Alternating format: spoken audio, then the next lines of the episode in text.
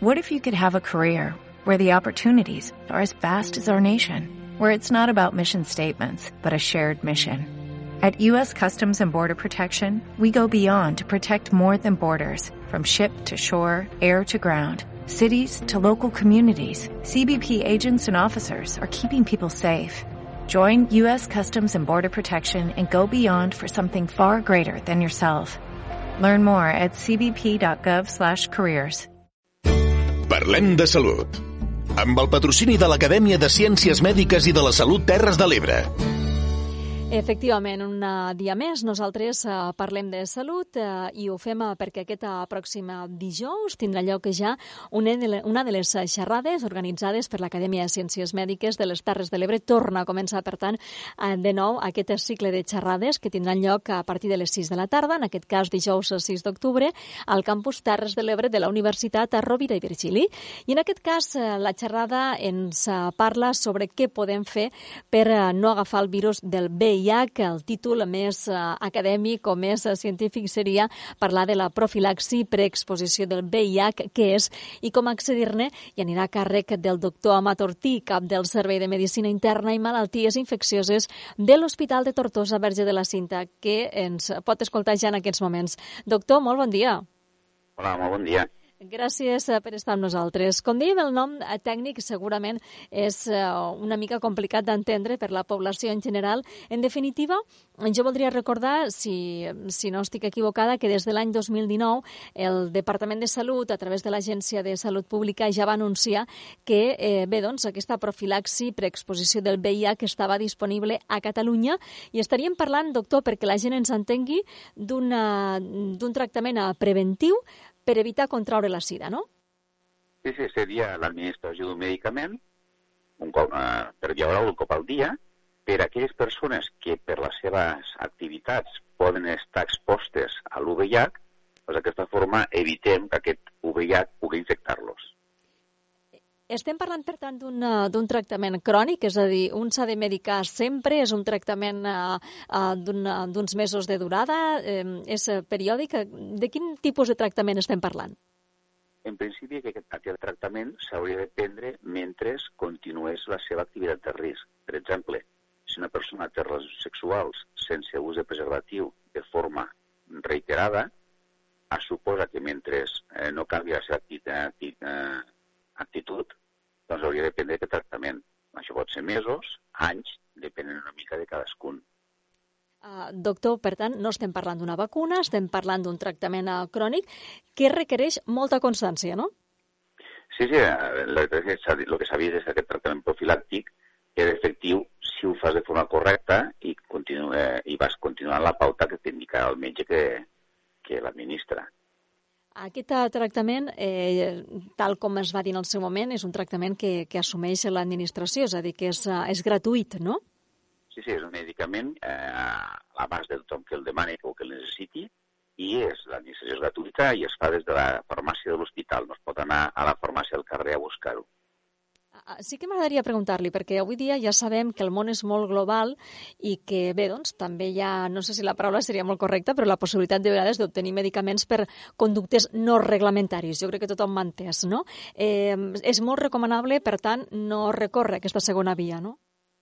A veure, si és un medicament que s'administra de forma gratuïta sense cost per l'usuari, en principi no tindries per què anar a buscar el medicament a aquestes vies. El problema dels fàrmacs que podem aconseguir per internet és, eh, sobretot, eh, que no ningú garanteix la qualitat d'aquest fàrmac que t'estàs prenent. Llavors, eh, si hi ha una alternativa gratuïta eh, per a l'usuari, doncs el convenient seria que ho fes per aquesta via. Eh, doctor, és molt important parlar d'aquesta prevenció, no? De fet, quan parlem de profilaxi ja estem, suposo que aquí ja implícitament eh, parlem de prevenció, perquè fins ara, i com bé recordar-ho, eh, no hi ha cura per a la sida, no? Exacte. L'UVIH, la infecció per l'UVIH, avui en dia la tenim controlada amb els medicaments, però el que fem és convertir a la persona que, que té aquesta infecció en una persona amb una malaltia crònica. No és ja el que es veia fa anys enrere. Però l'ideal seria poder trobar algun mecanisme amb el qual poguéssim curar una persona de l'UVIH. Entens? O sigui, poder ficar un tractament amb el qual eliminem l'UVH del cos d'aquesta persona, cosa que avui en dia no podem fer i, per tant, són persones amb una infecció crònica i que han de fer tractament doncs, durant eh, la resta de la seva vida. A, a quantes persones se'ls se subministra la profilaxi preexpositiva del VIH a les Terres de l'Ebre o si és que se subministra en aquests moments? Sí, nosaltres a Terres de l'Ebre ja vam començar al mes de novembre del 2019 a administrar la profilaxis de l'UVH i eh, no, no, nosaltres l'hem administrat a 47 persones a data d'avui, de les quals 38 encara continuen actives. Uh, quan la Salut decideix, evidentment, eh, implantar aquesta estratègia de salut pública és perquè realment s'ha comprovat que és, que és efectiva, no? Sí, sí, no. Eh, ja amb els estudis que hi ha des de l'any 2011 ja es demostra que l'ús d'aquest medicament que de nosaltres, que són, en realitat són dos medicaments amb un, un amb un comprimit demostra que hi ha una reducció important de l'adquisició del risc d'adquirir l'UVH en persones que tenen activitats de risc. Algú es pot preguntar, doctor, si tenen efectes secundaris aquestes medicacions? Doncs clar que poden tenir efectes secundaris, són tractaments que no són exens de toxicitat i per això és convenient potser que sigui, que sigui, eh, que sigui el sistema sanitari que els administre, perquè d'aquesta forma també vigilem l'aparició d'aquestes toxicitats. Normalment la toxicitat d'aquests medicaments és, és a molt llarg plaç i el que sí que s'ha vist és que poden donar a algunes persones trastorns de la funció del ronyó i trastorns del metabolisme ossi, el que voldria dir una major tendència a desenvolupar osteoporosis. Però parlem de anys de presa del tractament. Llavors, nosaltres, amb els controls que fem als usuaris que utilitzen la profilaxis, els que anem fent és controlar la, que no apareguin aquestes toxicitats. Uh, doctor, evidentment eh, tots eh, coneixem eh, l'impacte de, del virus de, de la sida, però segurament ens hem anat relaxant i hem anat normalitzant eh, la seva incidència, entre altres qüestions, perquè evidentment la medicina ha avançat i els efectes avui dia eh, no són els que, els que vam conèixer en, en els seus inicis. De totes maneres, i això els nostres oients ho sabran, perquè cada any al voltant del Dia Mundial de la Sida, l'1 de desembre, en parlem sempre amb el doctor Amatortí, però ja que parlem avui també d'aquesta qüestió, suposo que val la pena tornar a recordar, evidentment, que eh, no podem abaixar la guàrdia de cap de les maneres. No, tens la raó. O sigui, no es pot baixar la guàrdia perquè, a pesar de tota la informació de que les persones cada cop estan més assabentades del que és l'UVH, sí que és cert que els últims anys no baixa a Catalunya a l'índex de noves infeccions, o podem dir que baixa una mínima part. Nosaltres en el que portem d'any possiblement ja portem més de 10 persones recentment diagnosticades de l'UVH, que a pesar de tota la informació es van produint aquests, aquests diagnòstics. I llavors, qualsevol mesura que, se pugui, que pugui contribuir a reduir l'adquisició d'infeccions noves està molt benvinguda. Doctor, i ja que aquests anys hem estat parlant molt de la Covid-19, eh, quina incidència ha tingut en aquest cas la Covid-19 en persones eh, eh, que han desenvolupat el virus de, de la sida? A veure, nosaltres en concret, en van man...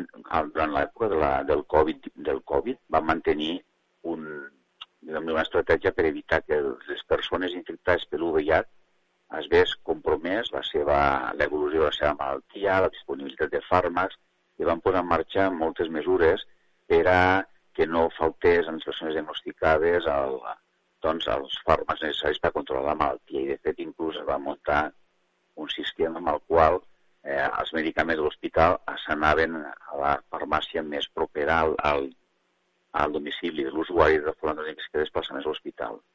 Sí que la, te puc dir que el que hi ha hagut incidència ha sigut amb els diagnòstics nous. De fet, es veu en les estadístiques, es veu que més o menys sempre hi ha una, una incidència estable de, infecció, de noves infeccions de l'UVH i sí que l'any 2021 que es veu és que s'han diagnosticat moltes menys. Jo crec que el que ha fet el Covid és que hi hagués una menor disponibilitat d'accedir al sistema, al sistema sanitari i molts diagnòstics s'hauran vist retrasats per culpa d'aquesta pandèmia. Jo crec que amb el 2022 veurem que hi ha hagut un rebrot d'infeccions respecte al 2021 pel fet que durant el 2021, en plena pandèmia, es va deixar de fer diagnòstics nous per no poder accedir fàcilment al sistema sanitari. Jo crec que això serà la repercussió que hi ha hagut respecte a les persones ja diagnosticades, vam intentar minimitzar al màxim tota els, la problemàtica que podia donar el Covid-19 i crec que com a mínim a Terres de l'Ebre es va aconseguir això. Eh, doctor, alguna cosa més que vulgui afegir de cara a aquesta xerrada d'aquest eh, dijous 6 d'octubre al voltant d'aquests uh, tractaments uh, preventius per evitar, evidentment, agafar, agafar el virus del VIH? No, bé, el que fem és parlar sobretot de què és el que estem fent amb aquest tractament preventiu i sobretot és important recordar que l'accés al mateix eh, no és complicat, es pot fer via el seu metge d'atenció primària, es poden fer les persones que es dirigeixen a la CIR, tenim un correu electrònic amb el qual qualsevol persona interessada ens pot demanar eh, informació. I tenim un telèfon també amb el qual poden trucar a la nostra consulta per demanar una cita o que algun metge es posi en contacte per donar-li informació que fa falta. O sigui que facilitem al màxim tota la, eh, la possibilitat d'accedir a aquest tractament a aquelles persones que veritablement ho necessiten. Indudablement, la primera visita que us fem sempre és una entrevista i a l'entrevista veiem si és una persona tributària o no de fer aquest tractament profilàctic. Doctor Amat Ortí, que és el responsable del CAP de Servei de Medicina Interna i Malalties Infeccioses de l'Hospital de Tortosa, Verge de la Cinta. Moltíssimes gràcies per estar amb nosaltres. Recordem, ell ens parlarà sobre aquests tractaments preventius en aquesta xerrada organitzada per l'Acadèmia de Ciències Mèdiques i de la Salut a Terres de l'Ebre aquest dijous a partir de les 6 de la tarda al campus Terres de l'Ebre de la Universitat Rovira i Virgili. Doctor, moltíssimes gràcies per estar amb nosaltres. A vosaltres per convidar-me. Espai ofert per l'Acadèmia en Ciències Mèdiques i de la Salut Terres de l'Ebre.